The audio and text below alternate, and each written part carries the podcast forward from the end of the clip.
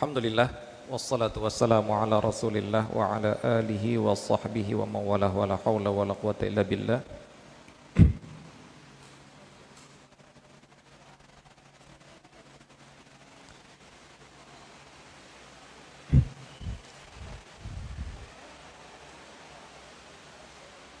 Sekarang kita masuki pembahasan yang berikutnya yaitu pembahasan masalah riba. Yang akan kita bahas pada pertemuan ini ataupun pada pada kajian ini tentang ribanya itu adalah perincian perincian-perincian muamalah-muamalah yang bisa terkandung riba di dalamnya. Kita tidak akan memperpanjang pembahasan masalah hukum riba dan balasan bagi orang-orang pemakan riba. Karena pembahasan yang seperti itu menurut saya khutbah Jumat sudah cukup atau kultum sudah cukup. Namun dalam khutbah Jumat tidak mungkin diperinci semua tidak mungkin diperinci muamalah-muamalah apa saja yang bisa terkandung riba di dalamnya. Namun cukup diingatkan bahwasanya Allah mengharamkan riba. Orang pemakan riba seperti orang menantang perang kepada Allah Subhanahu wa taala. Orang pemakan riba ada hukumannya adalah dia akan bermandikan dengan dalam sungai darah. Yang mana sebenarnya kita sebagai muslim cukup dengan Allah SWT mengatakan ini haram. Wa ahallallahu al-bai'a wa riba sudah cukup sebenarnya. Tinggal sekarang marilah kita mencari apa itu riba kapan bisa terjatuh ke dalam riba dan hal-hal lain yang menyerumuskan kita ke dalam riba. Inilah yang dikatakan oleh Umar bin Khattab radhiyallahu taala anhu, la yabi' fi suqina illa man faquha. Tidak boleh berjualan di, di pasar kami kecuali orang yang sudah paham fikih. Fikih apa? Karena hal jualan ya fikih muamalah. Kalau tidak, kalau dia tidak paham, akalar riba. Wa illa akalar riba syam aba. Kalau tidak maka dia pasti akan terjerumus ke dalam riba. Kenapa? Karena dia tidak tahu. Kenapa tidak tahu? Tidak mau belajar. Nah di sini yang mungkin orang salah paham. Di sini yang mungkin orang salah paham. Di terkadang ada orang meyakini kalau belum tahu, maka tidak dosa.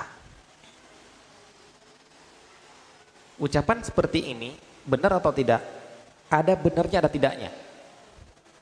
Kalau memang menang tidak tahu, maka benar dia tidak mengapa. Tapi kalau gara-gara tidak mau tahu, nah ini jadi masalah. Apa bedanya Ustadz? Orang yang tidak mau tahu, orang yang tidak tahu itu sudah mencari tahu tapi belum ketemu.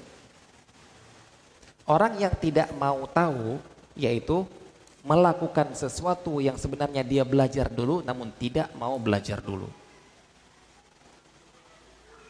Misalnya ada orang yang gak mau belajar sholat sehingga dia tidak sholat dengan alasan saya kan tidak tahu bicara sholat. Berhakkah orang mengatakan seperti itu? Tidak.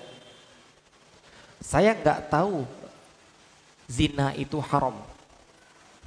Kemudian dia jatuh ke dalam perzinaan. Apakah diterima alasannya? Tidak. Dia memang profesinya jualan yang mana seharusnya dia ber, ber, mempelajari mana jual beli yang halal dan mana jual beli yang haram, tapi dia tidak mau belajar. Ini yang jadi masalah. Baik, jadi jangan menganggap ucapan-ucapan orang sebagian orang awam yang mungkin saya juga pernah mendengarnya, nggak usah belajar, makin banyak tahu, makin nggak tahu, nggak apa-apa. Ini niat seperti ini aja sudah salah. Karena apa? Karena seorang wajib tahu dulu hukumnya sebelum melakukan. Jangan sampai dia melakukan sesuatu, menerobos sesuatu yang sebenarnya haram, dia tidak tahu gara-gara dia tidak mau mempelajarinya. Ada sebuah kisah yang dialami oleh teman saya sendiri ketika dia mau mendatangi sebuah bank dan meminta di customer service-nya itu untuk menolkan bunga. Jadi nggak usah hitung bunga, nggak pakai nggak pakai akad berbunga, nabung biasa saja. Kata customer service ini, oh nggak bisa, kami tidak punya program seperti itu di bank kami. Nanti bilang, bank itu ada kok, ditunjuk bank lain. Oh saya nggak tahu, punya di bank kami, permintaan bapak ini nggak bisa. Baik, selesai. Beberapa bulan kemudian dia datang lagi, Kemudian dalam urusan lain, dalam urusan lain, kemudian dia mengatakan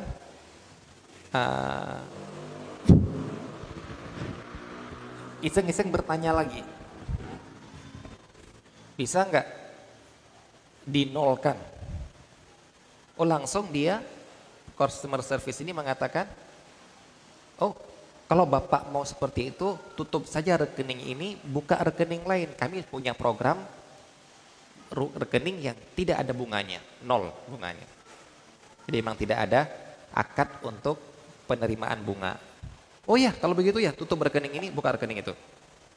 Nah, sedang proses si CS ini kemudian bertanya, ini Pak ini program ini dibuka karena sudah banyak permintaan orang di Jakarta. Ya namanya pasar ya, yang namanya dagang itu, kalau konsumen banyak minta pasti akan diubah. Ternyata banyak orang minta, akhirnya di, kan gampang kan? Kenapa mereka nggak buat dari dulu? Ya, karena nggak ada yang minta. Mereka berjalan di atas konvensional saja. Kemudian dia bilang, ini banyak permintaan di Jakarta Pak, akhirnya dibuat program seperti ini. Kemudian dia bertanya, dalam keheranan dia mengatakan, kenapa ya Pak, orang kok minta tidak berbu tidak ada bunga? Yang namanya orang nabung kan untuk nyari bunga. Nah itu pertanyaannya. Teman saya ini langsung menjelaskan, itu karena itu haram Mbak, itu riba. Apa jawaban perempuan ini? Loh, masa itu riba? Itu kan bagi hasil. Inilah Bapak-bapak ya. Jangan kira mereka itu tidak tahu riba haram. Mereka tahu. Ayatnya jelas kok. Wa halallahu al-bai'a wa harrama riba. Malah yang mengatakan riba halal ini bahaya. Mengingkari hukum Al-Qur'an. Yang jadi masalah adalah mereka tahu riba haram, tapi mereka tidak tahu ini riba. Dikiranya ini boleh-boleh saja karena bukan riba, ini bagi hasil ini.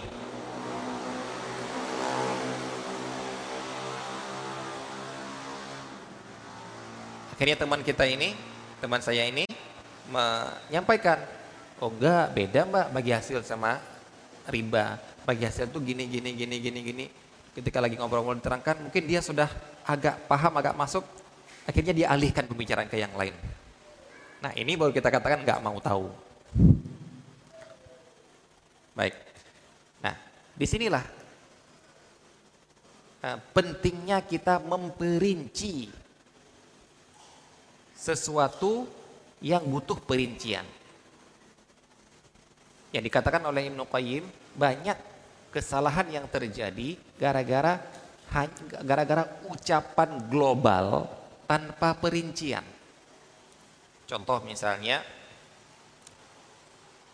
ceramah isi kajian dengan mengatakan bapak-bapak ibu-ibu kita harus mentauhidkan Allah kita tidak boleh mensekutukan Allah tidak boleh berbuat syirik kalau berbuat syirik kita kekal di neraka itu pak kata global sekali.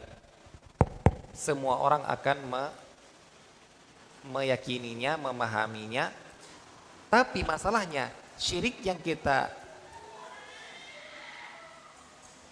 apa yang sedang kita isyaratkan tidak seperti syirik yang seperti yang dibayangkan. Yang dianggap oleh dia adalah oh tidak boleh syirik. Saya enggak syirik kok. Syirik itu kan menganggap Allah itu ada dua. Itu yang syirik. Kalau saya masih menganggap Allah itu satu. Oh saya nggak berbuat syirik kok. Jadi saya nggak kekal di neraka. Alhamdulillah. Kenapa? Karena saya menganggap tidak ada pencipta selain Allah. Jadi kita mengucapkan kata-kata global yang dipahami oleh orang beda. Tapi mari kita perinci. Ayo. Jenis-jenis kesyirikan, kesyirikan di dalam amalan hati, kesyirikan dalam amalan lisan, kecimat kesyirikan dalam amalan badan. Di sinilah baru nampak perbedaan yang mana hak dan mana batil. Nah gitu juga.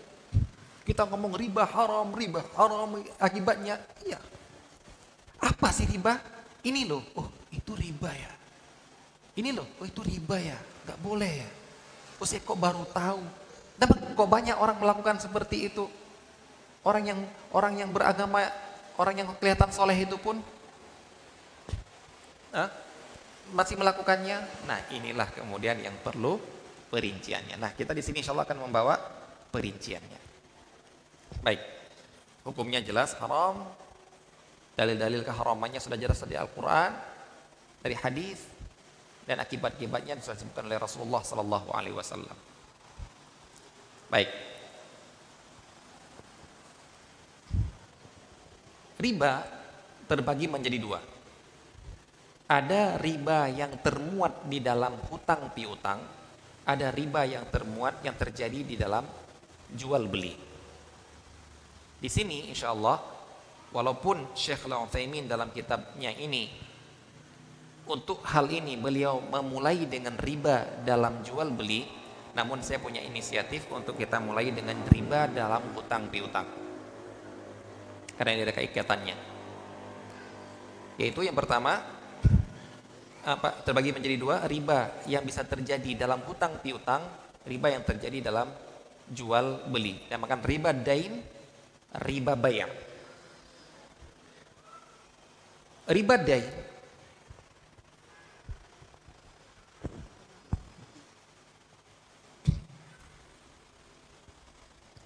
Sekarang kita masuk ke dalam jenis yang pertama, riba dalam hutang piutang.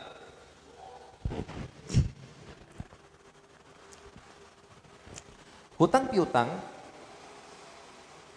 bisa terjadi dalam dua cara yaitu hutang piutang yang berasal dari akad tukar menukar. Yaitu orang membeli sesuatu tapi belum melunasinya. Berarti di sini dia punya hutang. Akan tapi hutangnya ini berasal dari metode jual beli. Kenapa dinamakan hutang? Karena belum lunas. Ya. Jangan sampai seperti ada orang yang ditagih hutangnya karena tidak lunas di koperasi marah-marah dengan mengatakan saya nggak hutang saya, saya beli. Jangan jangan apa jangan bilang saya hutang, Pak, tolong hutangnya. Saya nggak hutang saya. Saya beli loh. Ketika tanya sama saya, saya bilang, pegawai koperasi tanya sama saya bilang, membeli belum lunas itu namanya hutang. Dan orang seperti ini dicatat saja jangan pernah ngasih hutang lagi lah. Sudah dikasih hutang baik-baik kok malah jawabannya model seperti itu. Yang kedua, hutang karena murni akad hutang piutang akad hutang. Apa itu yang dinamakan dengan karut? Yang dalam bahasa kita dinamakan pinjaman. Tidak ada timbal balik di situ. Benar-benar datang, Pak, saya minta hutang satu juta. Bukan, Pak, saya beli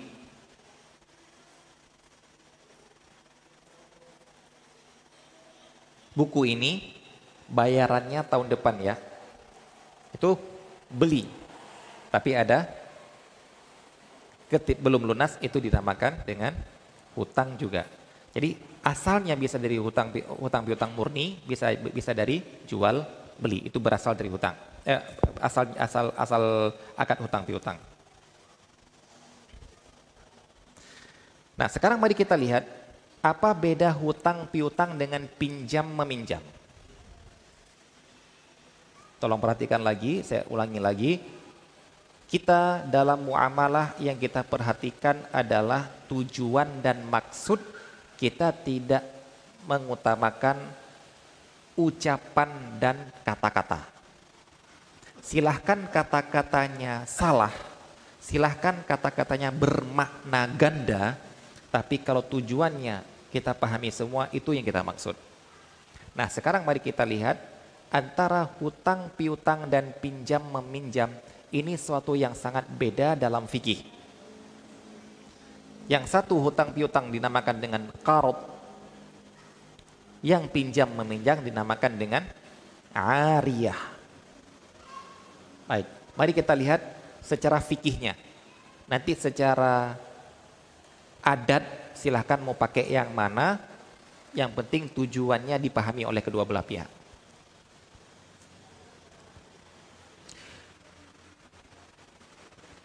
Perbedaan antara pinjam meminjam sama hutang piutang. Yang pertama dalam pengembalian. Hutang piutang yang dikembalikan adalah barang lain yang sejenis Pinjam meminjam yang dikembalikan adalah barang itu juga. Yang mana? Kenapa hutang piutang yang dikembalikan barang yang lain? Karena barang yang diberikan oleh si pemberi hutang itu telah dihabiskan oleh si penerima hutang. Sedangkan pinjam meminjam, barang yang diberikan oleh si peminjam oleh si pemberi pinjaman itu hanya digunakan saja hak guna oleh si peminjam. Sehingga ujung-ujungnya ketika pengembalian si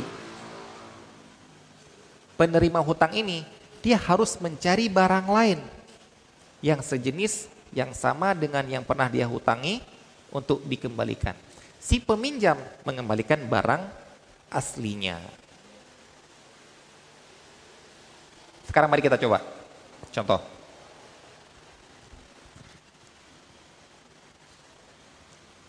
Motor.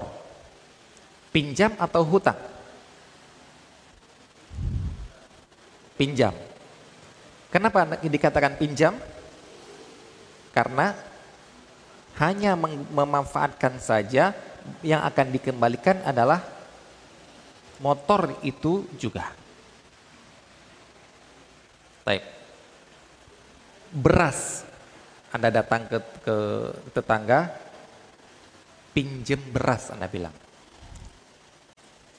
Belum gajian, belum bisa beli beras, pinjem beras, akan di mau masak, akan dikembalikan bulan depan. Baik. Untuk beras, pinjem meminjam atau hutang piutang? Hutang. Kenapa? Karena beras yang akan dikasihkan ini akan saya masak, akan saya habiskan. Yang akan saya kembalikan bukan beras ini, namun beras yang lain. Uang. Pinjem meminjam atau hutang piutang? Hutang. Kenapa?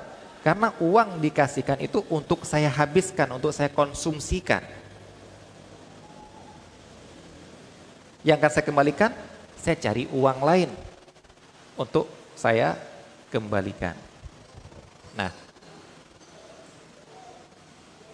tadi saya kembalikan lagi ke yang tadi, motor tadi saya katakan, ketika saya tanya pinjam meminjam atau hutang piutang, jawabannya bisa pinjam meminjam, bisa hutang piutang.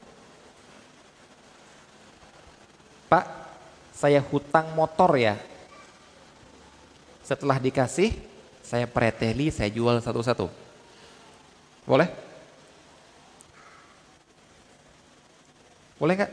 Boleh. Saya wajib mengembalikan nanti motor jenis yang sama, tahun yang sama, model yang sama, nanti. Seperti saya misalnya, Pak, pinjem kambing ya. Untuk apa? Untuk ngawinkan dengan kambing di rumah saya. Pak, pinjem kambing ya. Untuk apa? Mau disembelih Idul Adha. Saya kembalikan dua bulan lagi atau tiga bulan lagi. Walaupun ucapannya pinjam, sebenarnya hutang. Karena dia akan menghabiskan barang ini kemudian di diganti dengan yang lain. Ini bedanya pinjamnya utang piutang. Baik, ini harus dipahami ya, karena akan ada yang salah paham dalam masalah ini.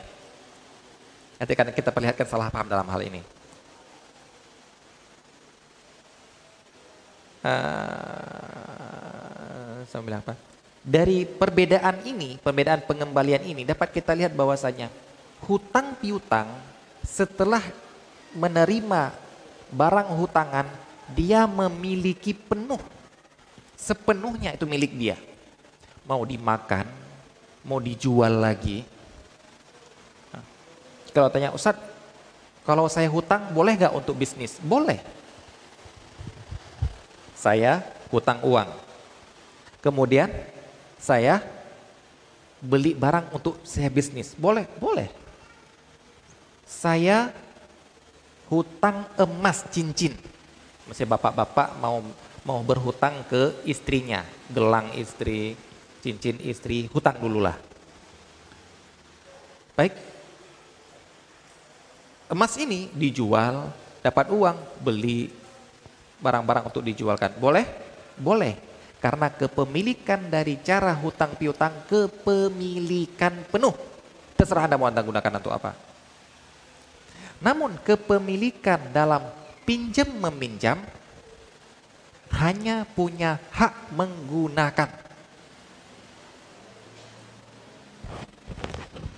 Tidak boleh Anda meminjamkan kembali tanpa izin. Beda kalau hutang. Anda punya hutang ini, Anda hutangkan lagi, Anda kasihkan ke adik Anda, Anda bagikan ke ke istri Anda, Anda bagikan ke ibu Anda. Terserah, nggak perlu minta izin. Terserah saya. Karena kepemilikan saya dari barang hutangan ini sudah kepemilikan penuh. Namun kalau Anda dipinjami motor, Anda pinjamkan ke orang lain nggak boleh. Karena apa? Karena Anda cuma punya hak memanfaatkan. Hak mem memanfaatkan. Gak boleh pinjami ke orang lain. Kecuali dengan izin. Jadi istilahnya izin baru untuk dia. Beda ya? Perhatikan ya. Perbedaan yang kedua, perbedaan yang kedua. Sekarang mari kita lihat. Kalau ternyata mau mengubah dari akad pinjam meminjam mau diubah untuk akad yang lain mau diambil keuntungan. Contoh, Anda punya motor dipinjami terus sama teman satu kos Anda. Pinjam ya, ya, pinjam ya, ya, pinjam ya, pinjam ya. Akhirnya Anda bosen dengan mengatakan, eh, jangan pinjam-pinjam terus. Setiap gunakan bayar 2000. Jadi apa sekarang? sewa menyewa. Persis. Sewa menyewa seperti itu. Barang dikembalikan apa adanya. Kemudian uang diberikan. Jadi kalau Anda bilang, oh dia pinjam dengan bayar. Silahkan Anda bilang seperti itu, nggak apa-apa. Tapi hakikatnya adalah sewa menyewa. Seperti Anda bilang, wakalah bil ujroh. Oh dia wakil, tapi saya bayar itu namanya sewa tenaga. Baik. Sekarang kita contohkan yang satu lagi. Ada orang pinjam duit terus, pinjam duit kasih besok dikembalikan, pinjam lagi kasih bulan depan dikembalikan, pinjam lagi dikasih bulan depan dikembalikan. Akhirnya marah dia. Kamu pinjam pinjam pinjam pinjam terus nggak ada untungnya saya. Udahlah setiap pinjaman kembalikanlah satu persen. Atau kembalikanlah sepuluh ribu. Tambah sepuluh ribu. Jadi apa Pak sekarang Pak? Riba. Kenapa? Karena dia mengambil keuntungan dari hutang piutang, bukan mengambil keuntungan dari pinjam meminjam. Kalau ngambil keuntungan dari pinjam meminjam jadinya sewa menyewa. Tolong dipahami ini, jangan sampai nanti pinjam motor isi bensin penuh dibilang nanti riba, bukan riba ini. Karena ini berubah menjadi minta bayaran. Dari bayaran jadinya sewa menyewa, bukan riba. Karena apa? Itu pinjam meminjam bukan utang piutang. Ya, perhatikan yang seperti ini. Nah, pinjam emas. Untuk apa? Untuk berhias ketika acara mantenan. Kemudian dipinjamkan ke orang lain ataupun disewakan ke orang lain, tidak boleh. Karena ini adalah hak Anda di sini hak penggunaan saja. Anda bukan punya hak penuh. Beda dengan hutang perhiasan emas. Anda boleh jual, mau dihadiahkan, mau diapain, terserah Anda. Baik, ini di antara perbedaan hutang piutang dengan pinjam meminjam. Dengan Anda memahami seperti ini, maka akan tidak akan jatuh terjerumus ke dalam kesalahan yang tadi tentang mengambil keuntungan. Yang berikutnya adalah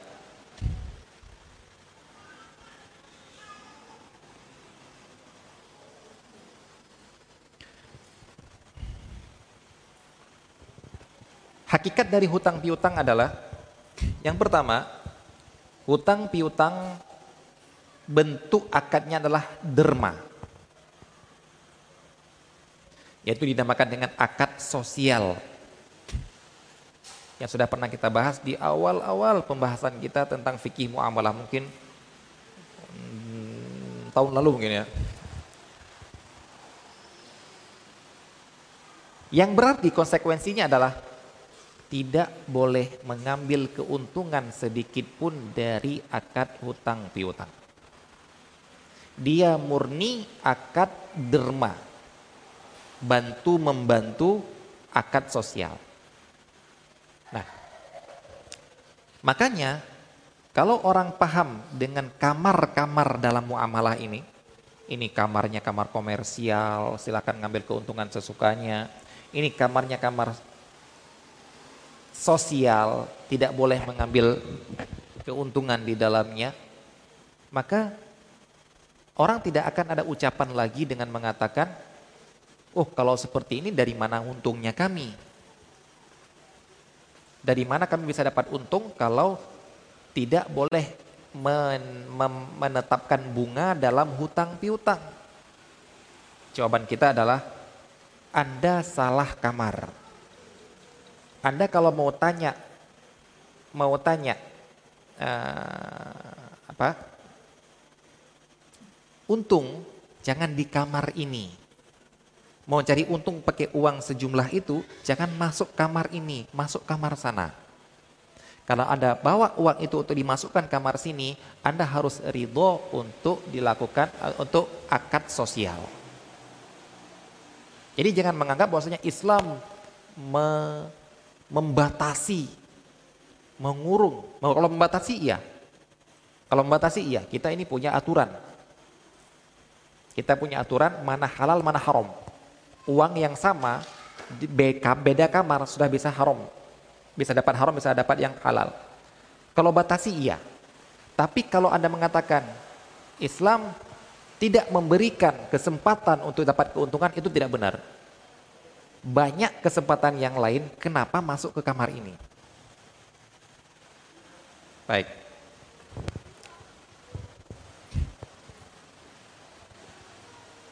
Di antara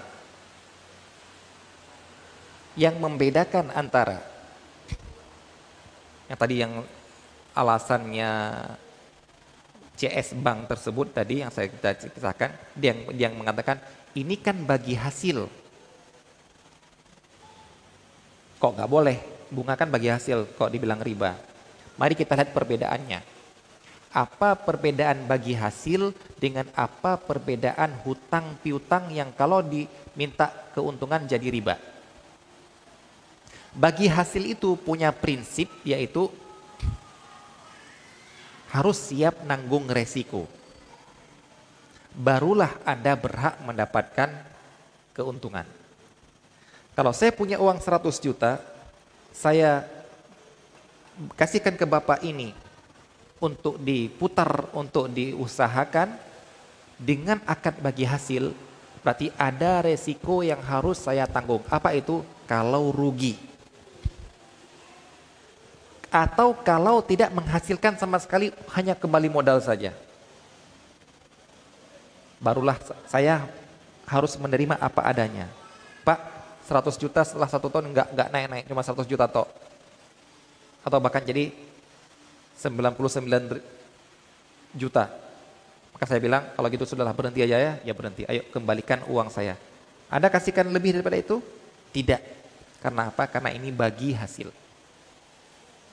Tapi kalau hutang piutang, Bapak ini bilang, hutang uang 100 juta, saya mau bisnis. Saya kasih, ini hutang 100 juta. Bapak mau untung sampai 20 persen, saya nggak mau tahu, pokoknya kembalikan 100 juta. Bapak mau rugi habis semuanya, saya tidak mau tahu, kembalikan 100 juta. Inilah beda antara hutang piutang dengan investasi. Nah pertanyaannya sekarang, ketika kita nabung di bank, investasi atau hutang piutang? Hah? Pernahkah Anda dibilang oleh customer service ketika mau buka rekening Pak, rekening Bapak ini bisa habis loh Pak. Kalau bisnis kita ambruk. Ada yang mau nabung nggak? Yang ada adalah dijamin. Pak uang Bapak kan tetap malah bertambah. Tapi uangnya boleh digunakan oleh bank untuk diputar diinvestasikan ke orang-orang yang mau berbisnis. Nah, di sini dapat kita ketahui bahwasanya menabung di bank itu hakikatnya bukan investasi tapi hutang piutang. Karena kita tidak pernah dibebankan apa? Kerugian dari investasi yang sedang dilakukannya. Baik dipahami nih ya. Beda antara investasi yang mana bisa untung bisa rugi dengan hutang piutang yang saya taruh di sini kamu gunakan terserah pokoknya saya kapan mau saya ambil ada uangnya. Ini namanya hutang piutang. Baik. Yang berikutnya adalah masih dalam hakikat hutang piutang, urutan-urutannya itu. Hutang itu wajib untuk dilunasi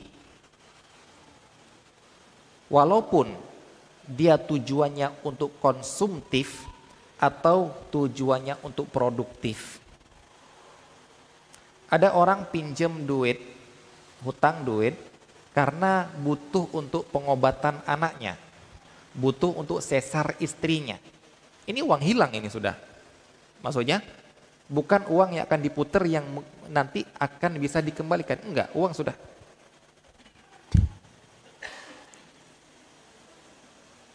Wajib dikembalikan? Wajib. Kalau akadnya hutang, piutang. Anda pinjam uang untuk bangun rumah, untuk beli rumah. Ini bisa investasi nih. Dia 100 juta bangun rumah. Sehingga kalau Anda mau nagih, dia ada sesuatu yang bisa untuk dijual untuk dilunasi, yaitu rumah ini. Juga wajib untuk dilunasi.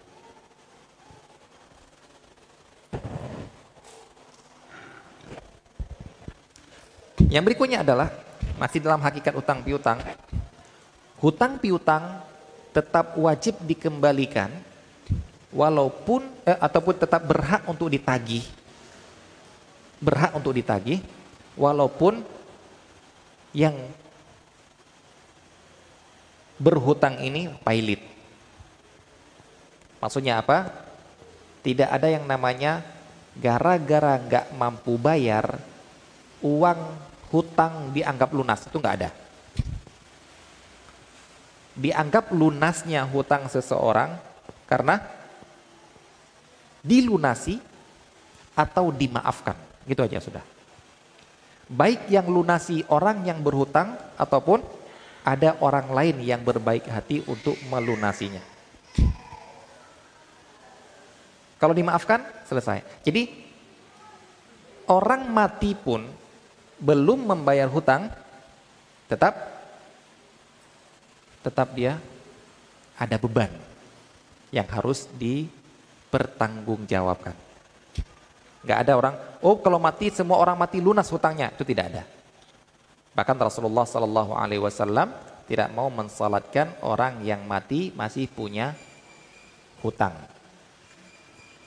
Baik.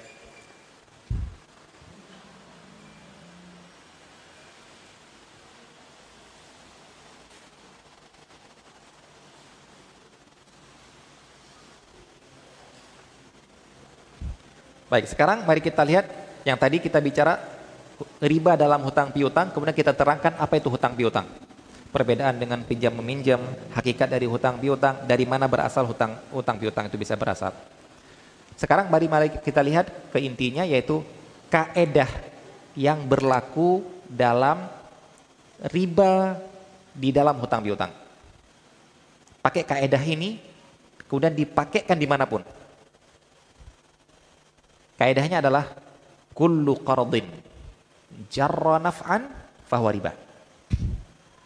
Setiap hutang yang ditujukan untuk didapat manfaat oleh si pemberi hutang itulah riba. Setiap hutang yang bertujuan untuk mendapatkan manfaat yang bertujuan untuk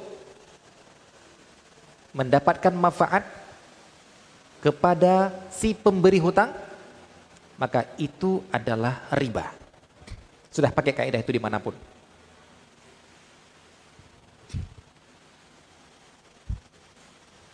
Nah sekarang mari kita lihat jenis-jenis akad muamalah yang bisa ada riba di dalamnya dan kita akan memakai kaidah itu itu kita pakai di dalamnya.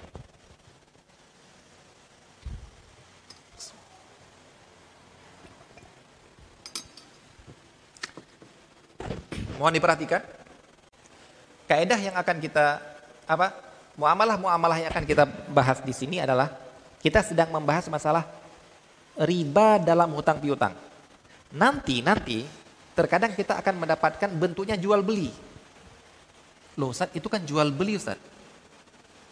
Kita sedang membahas masalah riba dalam hutang piutang. Ini bukan riba dalam jual beli. Kenapa antum mencontohkan riba dalam hutang piutang bentuknya jual beli? Jawabannya adalah nanti akan kita lihat.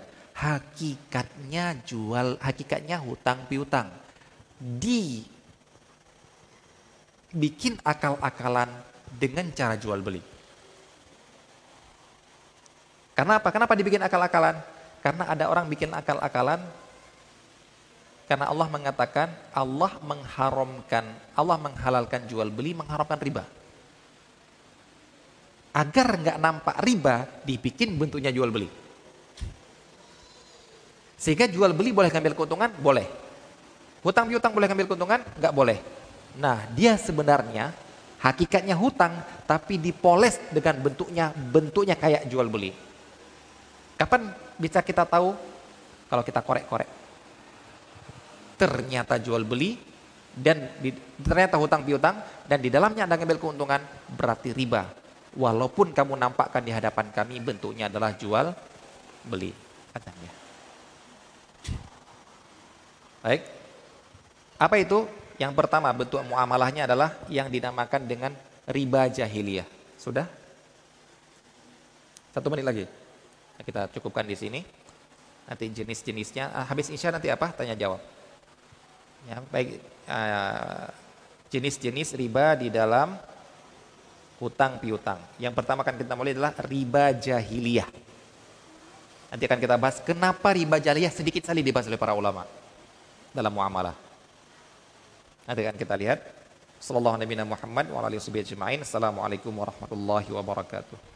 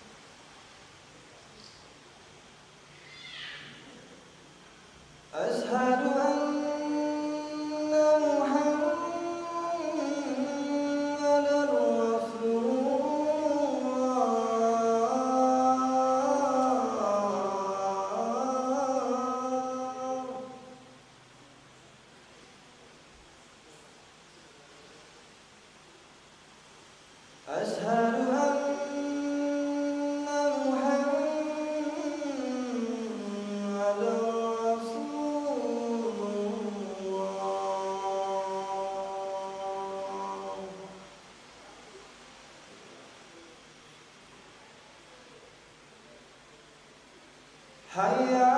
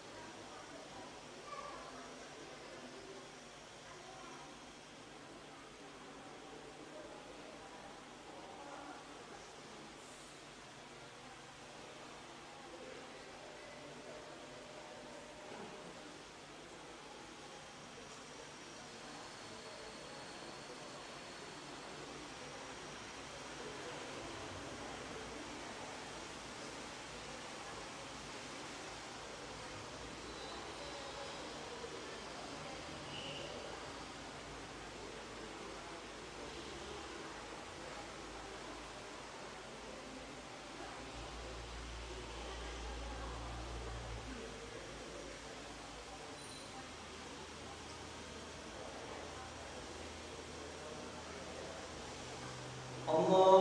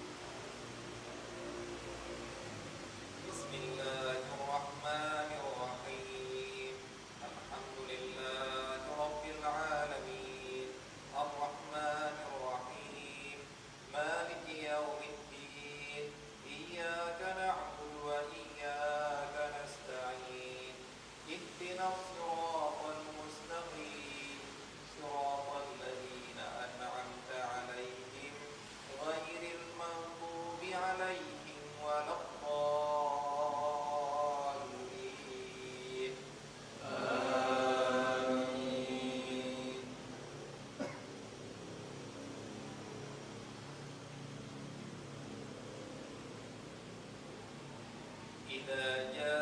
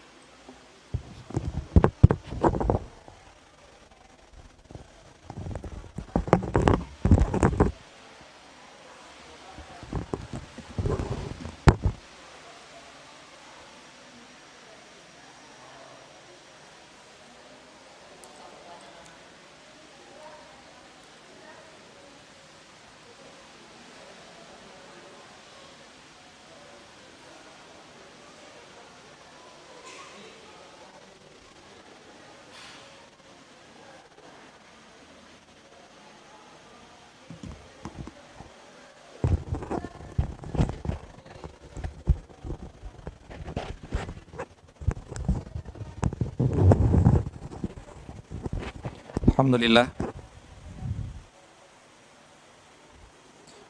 Alhamdulillah. Salatu wassalamu ala Rasulillah wa ala alihi wa sahbihi wa mawala wa la hawla wa la quwata illa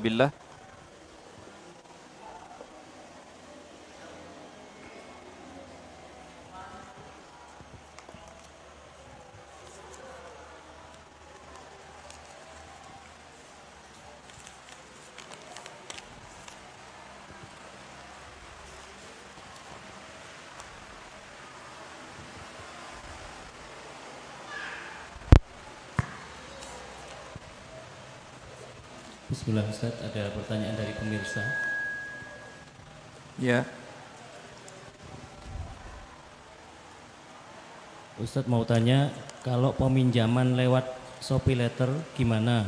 Gak ada bunganya tapi ada biaya penanganan atau semacam jasa. Apakah itu riba? Sekelahiran, fiik. Shopee apa?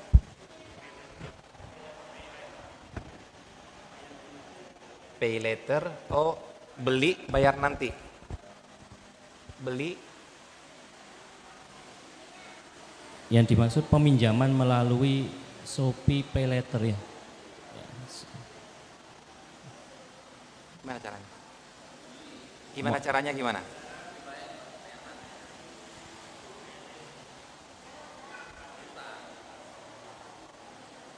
Bayar nanti. Anda nggak paham. Makanya Anda bilang dari awal tadi bedakan antara hutang pi, apa hutang piutang sama apa eh, bisa berasal dari hutang murni, bisa berasal dari jual beli. Kalau memang dia bilang ini harganya sekian, ada uang admin sekian, bayarnya nanti, tapi dari jual beli nggak apa-apa, karena dia bukan hutang piutang, tapi memang jual beli cuma jual beli yang tertunda. Saya nggak tahu modelnya bagaimana itu. Kalau memang pay later gimana? Bisa dijelaskan?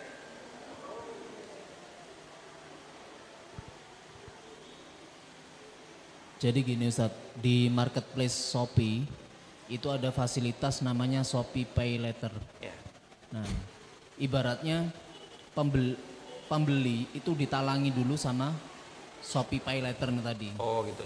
Ah, Nah, karena barang statusnya harus sudah terbayar baru bisa diproses. ya. Nah, jadi pembeli ini dia pilih klik pakai Shopee Pay Later. Nah, dia dikenakan biaya penanganan sebesar sekian. Nah, dari jadi total belanjanya plus biaya penanganan atau biaya admin tadi ya. sekian. Nah, itu total Nggak boleh. yang harus dibayar. Nggak boleh. Karena pay kalau memang seperti ini, pay jadi dibayarkan dulu oleh seseorang, nanti saya bayar ke orang itu dengan lebih. Jadi kelebihannya itu gara-gara dia bayar duluan. Itu tidak boleh, karena itu adalah utang. Baik, kita jawab beberapa pertanyaan ini.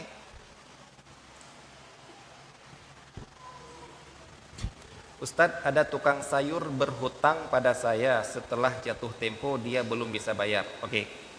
Akhirnya saya beri kelonggaran. Bagus. Suatu waktu saya tagih tapi masih belum bisa bayar. Akhirnya supaya lunas hutangnya dengan cara belanja sayur tanpa bayar sampai lunas hutangnya. Bolehkah demikian Ustadz? Boleh, tapi ada syarat. Di sini Anda punya hutang, ada punya piutang yang akan dibayarkan ke Anda sebenarnya bentuknya rupiah. Tapi Anda dibayarkan dalam bentuk lain. Ini namanya adalah mengalihkan hutang. Ini sekarang menjadi jual beli. Asalnya di, Anda wajib dibayarkan adalah uang 100 rupiah, eh, 100 ribu. Sekarang Anda akan dibayar pakai sayur senilai 100 ribu. Anda akan dinilai pakai emas senilai 100 ribu. Anda akan dibayar pakai beras senilai 100 ribu. Begitu juga sebaliknya. Anda hutangnya sayur, Anda hutangnya beras, akan Anda akan dibayar dengan uang senilai 1 kilo beras. Baik. Boleh seperti ini? Boleh.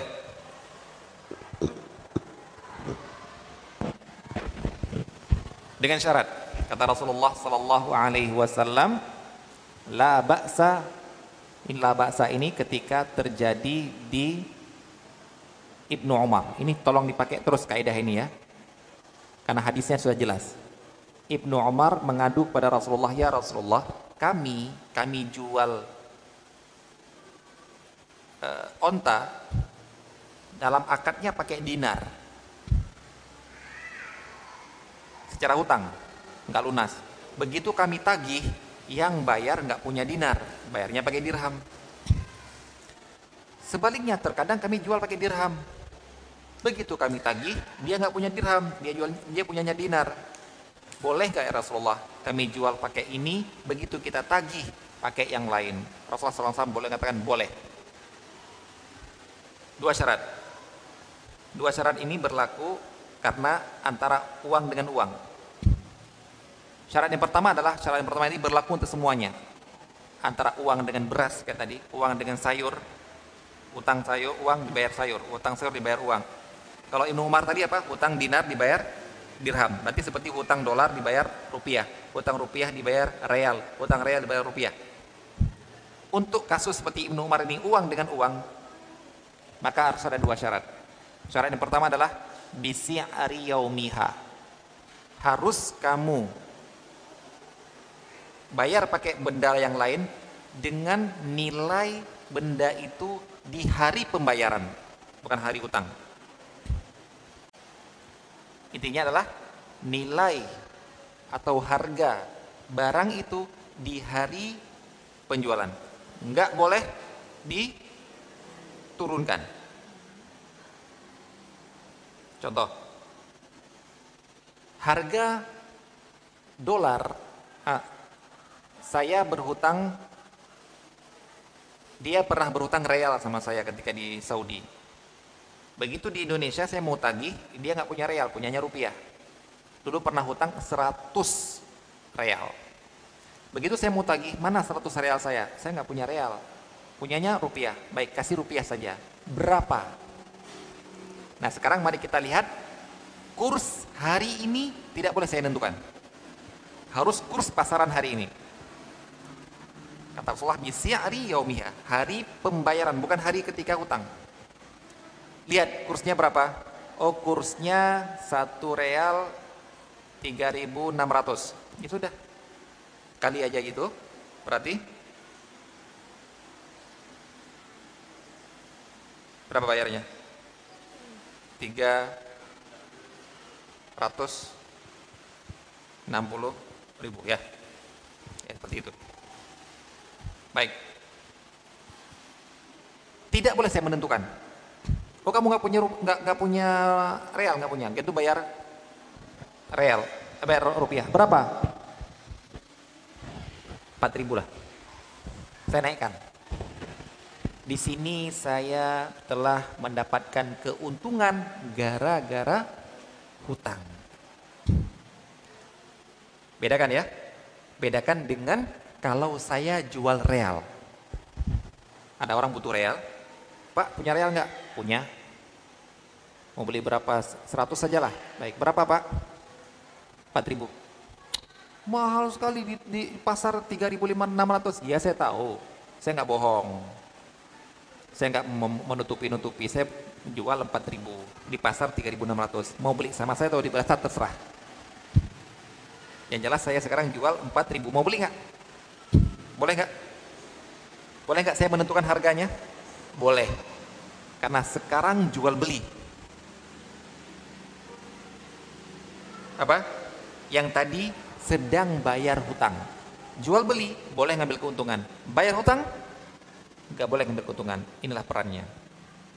Syarat yang kedua, karena ini antara uang dengan uang zamannya yang terjadi uh, di Umar harus tunai di tempat.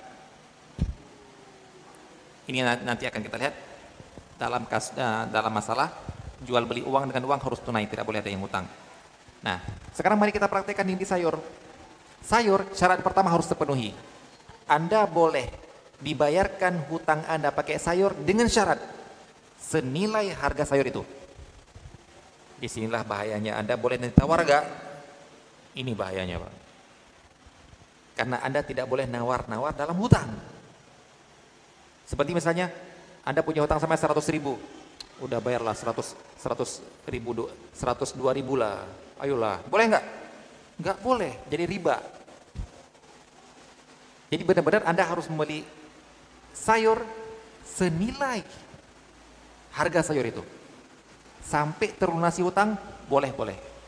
Baik, ini syarat pertama harus dipenuhi. Syarat yang kedua, tidak mengapa karena antara sayur dengan uang tidak perlu harus tunai. Jadi bisa dipahami Bu ya? Jadi boleh, boleh. Syarat yang pertama harus dipenuhi. Pakai standar harga pasaran. Tidak boleh Anda mengambil keuntungan di sini karena keuntungan yang Anda ambil di sini keuntungan dari hutang yang pernah Anda berikan. Jadinya riba. Baik.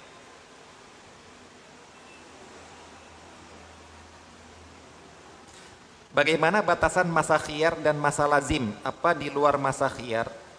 Apabila di luar masa khiyar, tapi penjual memberikan garansi apakah barang masih bisa dikembalikan? Masya Allah. Masa khiyar, batasannya apa? Karena khiyar yang pertama yang khiyar pasti terjadi tanpa akad khiyar majelis selama dalam majelis. Sudah kita bahas. Khiyar yang kedua yang karena akad khiyar syarat mau minta tiga hari, empat hari, terserah. Baik. Ini adalah khiyar akad. Kapan masih berlaku? Selama masih dalam akad yang sudah disepakati. Baik. Setelah itu jadinya lazim. Baik, selesai. Sekarang Anda bertanya yang model lain, garansi. Garansi ini Apabila sudah di luar masa khiyar, tapi penjual memberikan garansi, apakah barang masih bisa dikembalikan? Saya berpendapat, saya pribadi berpendapat, garansi itu adalah kebaikan dari si penjual. Ini di luar garansi bayar lebih ya. Di luar garansi bayar lebih. Bedakan ya, bedakan antara ini jual, saya jual sekian, ada garansinya.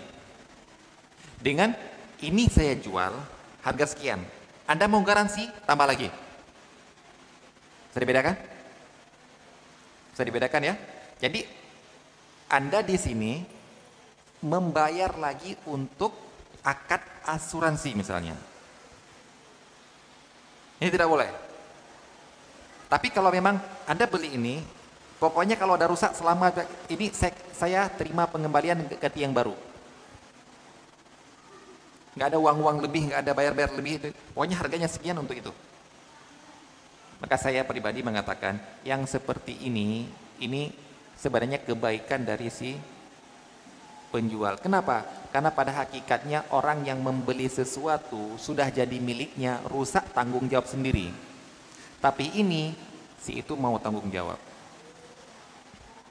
Namun kalau klaim asuransi bayar sekian, kalau rusak akan dibalikan sekian, kalau nggak rusak uangnya hangus untuk yang punya asuransi itu beda. Itu tidak boleh. Baik, wallah taala alam saya berpendapat seperti itu.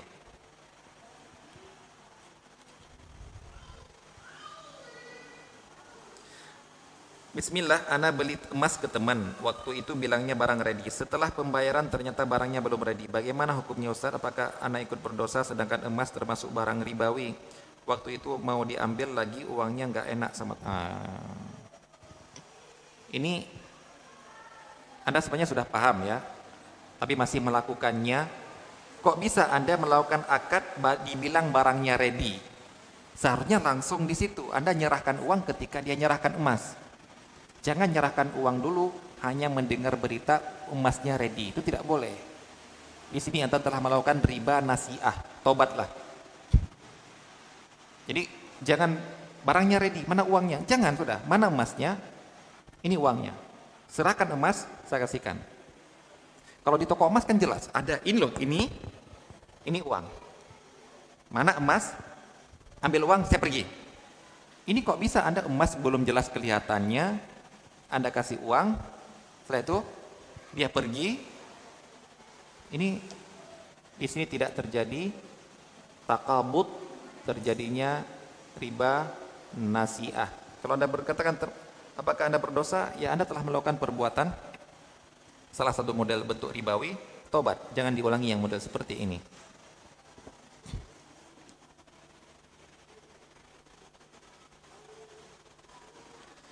Jika si penjual jika si penjual eh jika si penjual menjadi marketer karena tugas dari penjual hanya memosting gambar tanpa menaikkan harga dari pasar dari pusat lalu mengirim alamat pembeli ke owner. Namun nama pengirim atas nama si marketer. Baik banyak yang model yang bertanya kepada saya model seperti ini maka saya jawab secara kaedah Terserah Anda mau pakai kaidah itu atau tidak terserah. Jawaban saya adalah model seperti ini. Menjual barang yang belum punya dia, barang tertentu yang bukan punya dia. Kapan boleh?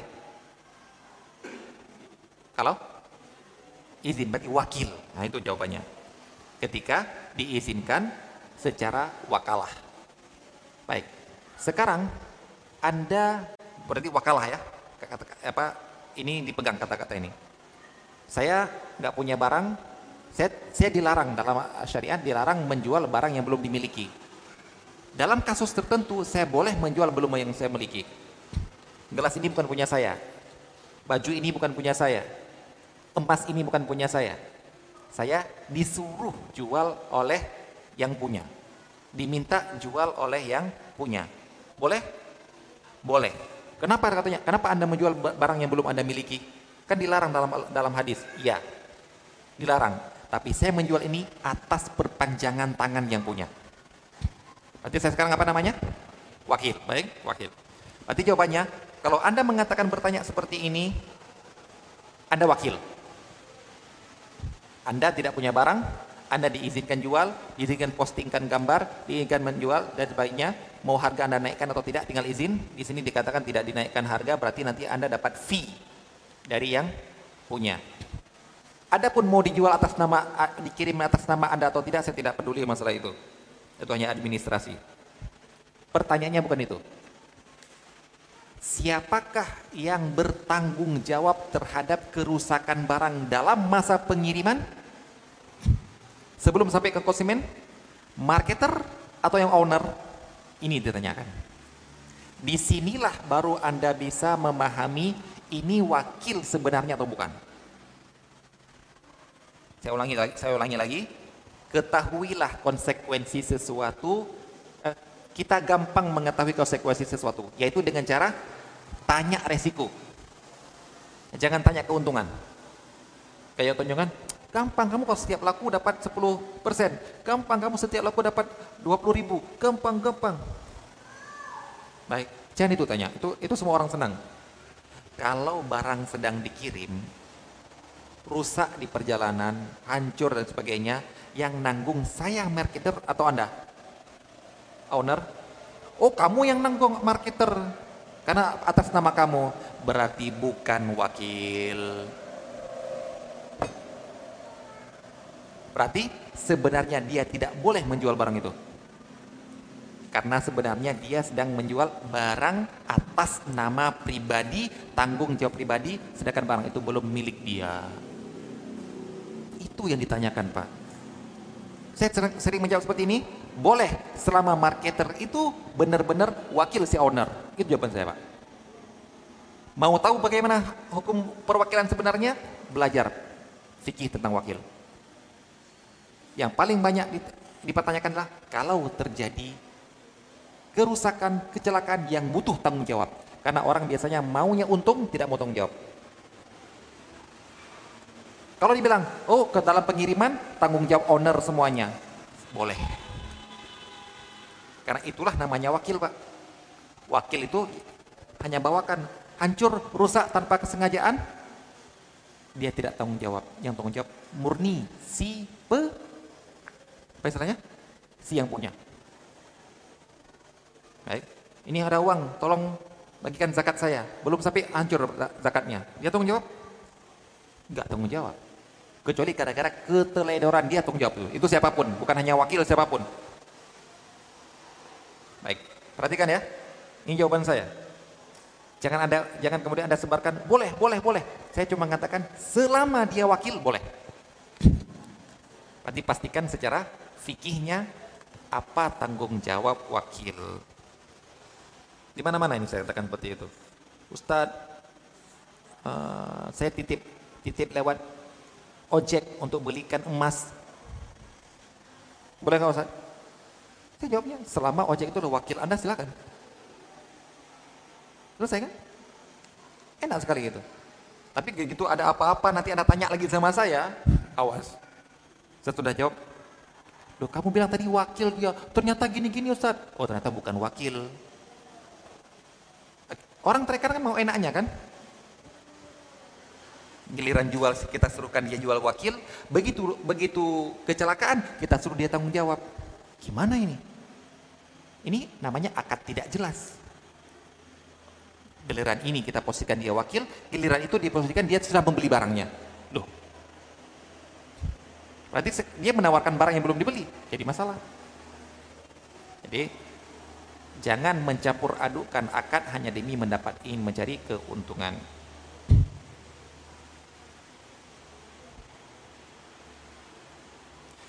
Assalamualaikum.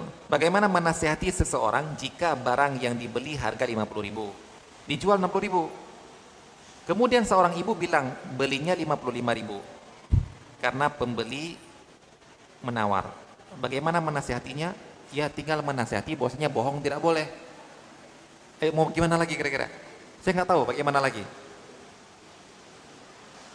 Terkadang orang minta Ustadz bagaimana menasihatinya? Nasihat yang manjur. Bapak-bapak, ibu-ibu, nasihat itu, nasihat Rasulullah itu paling manjur tapi Abu Lahab sampai akhir hayatnya tidak masuk Islam. Nasihat Abu Rasulullah itu nasihat paling manjur, tapi Abu Talib sampai akhir hayatnya tidak masuk Islam.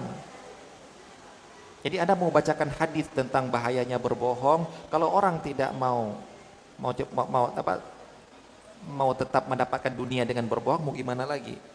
Jadi kalau Anda tanya bagaimana menasihati, saya jawabnya adalah nasihatilah bahwasanya bohong itu haram. Itu selesai.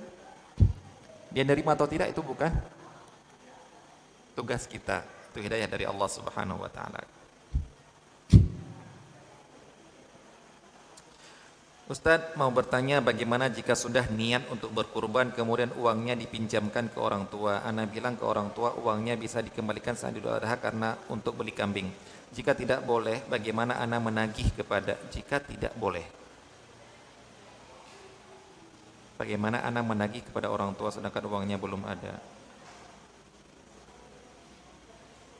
Saya nggak tahu kenapa ditanya jika tidak boleh. Yang pertama, saya berpendapat kurban itu sunnah. Saya tidak berpendapat kurban itu wajib.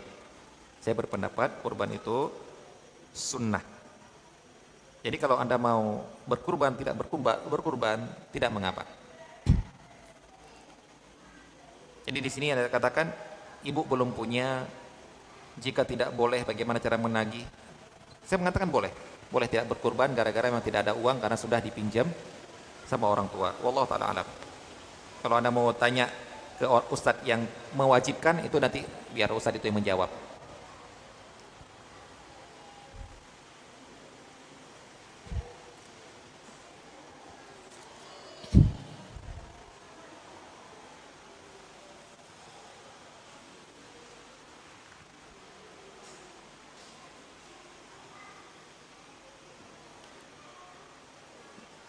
Ustaz dulu sebelum hijrah saya adalah tipe orang yang sangat boros. Suatu ketika saya ditawari teman untuk ikut menabung yang tidak bisa diambil sewaktu-waktu. Menabung yang tidak bisa diambil sewaktu-waktu. Oke. Dan tidak ada bunganya. Ternyata yang ditawarkan adalah asuransi. Ikutlah saya asuransi tersebut dengan tujuan saya ingin menabung. Sampai sekarang masih berjalan. Auto debitnya Ustaz. Dan jika saya berhenti, maka dana yang sudah masuk akan hangus semuanya. Nauzubillah. Apa yang sebaiknya saya lakukan Ustadz? Tetap melanjutkan sisa pembayaran yang masih harus saya lakukan atau bagaimana? Dan bagaimana hukumnya saya dulu ikut asuransi dengan tujuan menabung? Ini sudah salah dari awal. Asuransi itu akadnya gharar. Gara-gara anda membayar tahu sendiri ya membayar sekian kalau nggak kecelakaan tidak akan dikembalikan diambil semua. Ini kok asuransi komersial? Yang saya katakan adalah asuransi komersial. Kemudian di sini ada bertanya, apakah saya lanjutkan? Memangnya kalau anda lanjutkan, anda akan mendapatkan uang atau tidak? Allah alam saya nggak tahu ini. Ada bilang tadi kalau anda berhenti, hangus. Kalau anda lanjutkan, bisa dapat uang atau tidak? Nabung sampai batas tertentu kalau dilanjutkan bisa dapat, bisa dikembalikan. Allah alam kalau memang seperti ini menurut saya anda lanjutkan tapi nanti Anda hanya mengambil apa yang Anda tabung. Karena kalau Anda berhenti, angus. Wallahu alam. Baik, walau sebatas itu yang bisa saya jawab. Hanya karena kalau Anda berhenti nanti hangus, kalau Anda lanjutkan Anda ambil batasan yang Anda tabung saja. Lebihnya hitung semuanya, lebihnya jangan diambil karena itu bunga.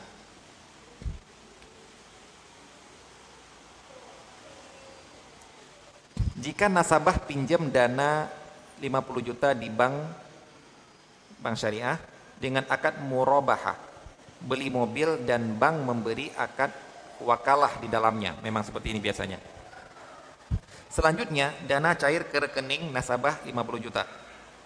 Namun setelah cair dana tersebut tidak langsung digunakan untuk membeli mobil karena harus menunggu dua minggu. Sehingga mobil yang diinginkan dapat terbeli Apakah benar akad murabah dilakukan seperti harus di atas? Jika salah maka akad murabah yang benar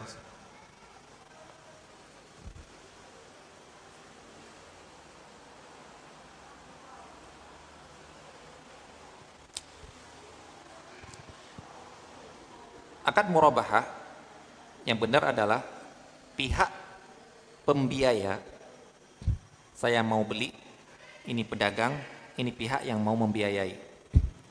Kalau yang sebenarnya adalah pihak yang mau membiayai ini beli dulu barangnya, miliki dulu, pindah dulu ke sini, jangan di toko, pindah dulu ke sini, baru kemudian dia menjualkan ke saya setelah dimiliki benar-benar oleh ini. Itu selesai.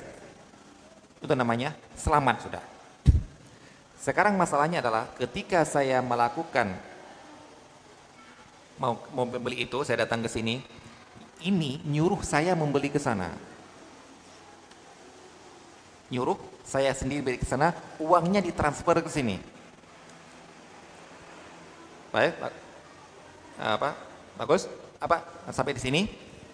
Di sini yang saya baca dari Ma'air apa uh, Ma'air Syariah Syariah standarisasi akad-akad kontemporer dikatakan tidak boleh pakai tidak boleh saya dijadikan wakil.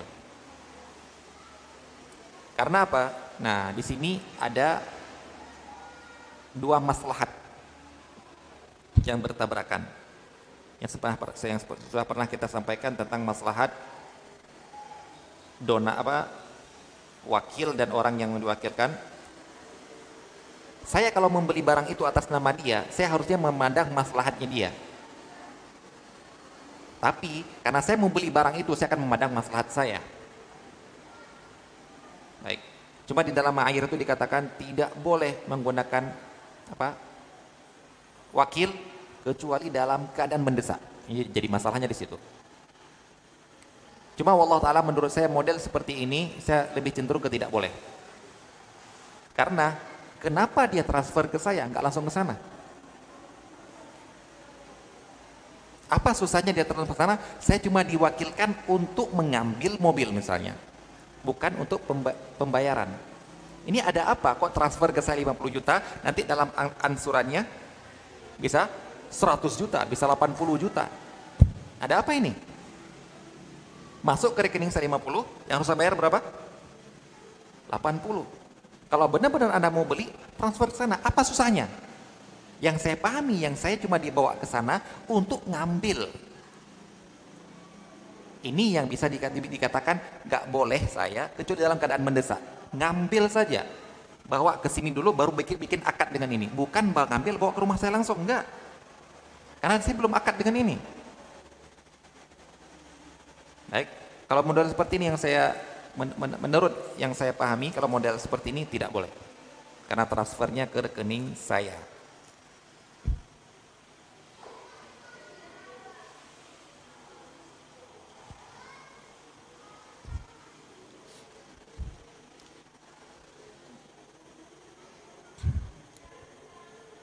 Ini pertanyaan itu saya tidak bisa menjawabnya. Menerima makanan dari orang yang bekerja di lembaga riba. Wallahu a'lam. Ustadz melenceng dari tema izin bertanya bagaimana batasan chat dengan lawan jenis. Jawabannya seperti batasan Anda ngomong dengan lawan jenis. Itu aja sudah jawabannya. Karena chat itu adalah ngomong, ngobrol, sebagaimana bolehnya ngobrol dalam keadaan butuh mendesak maka chat pun jangan bertele-tele tanya jawab tanya jawab. Jangan langsung bertemanya beralih-alih ke yang lain. Yang bisa dinamakan curhat. Ya. Saya juga dulu pernah dapat tanya saya jawab Ustadz saya ini apa uh, baru ngaji Ustaz, saya ini orang yang tidak paham. Nah, curhat ini kan? Maaf, saya bukan tempat curhat. Itu aja. Tanya lagi, ya, ya bisa saya jawab. Tapi kalau sudah sampai ngeluh-ngeluh ngadu, Ustaz orang tua saya ada lagi gini, gini, enggak. Itu bukan, saya bukan tempat untuk mendapatkan curhat seperti itu. Bagaimana jika sikap kita terhadap suami yang sudah ketahuan selingkuh? tapi belum tahu dia sudah zina atau belum. Kita suruh menikah tapi dia menolak selingkuhannya. Afwan, karena seorang pelacur dan dia sudah memberi uang entah berapa kali pada wanita itu. Jazakumullahu khairan.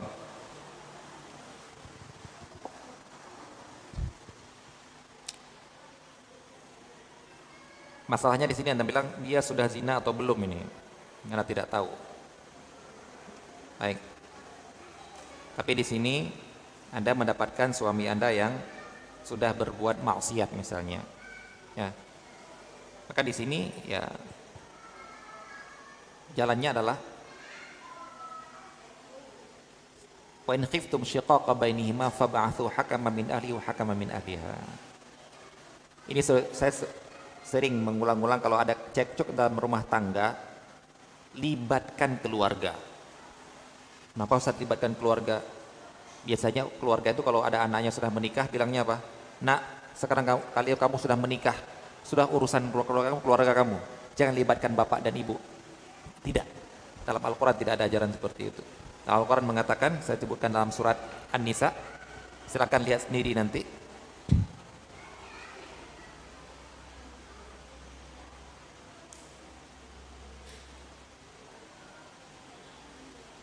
An-Nisa ayat 35.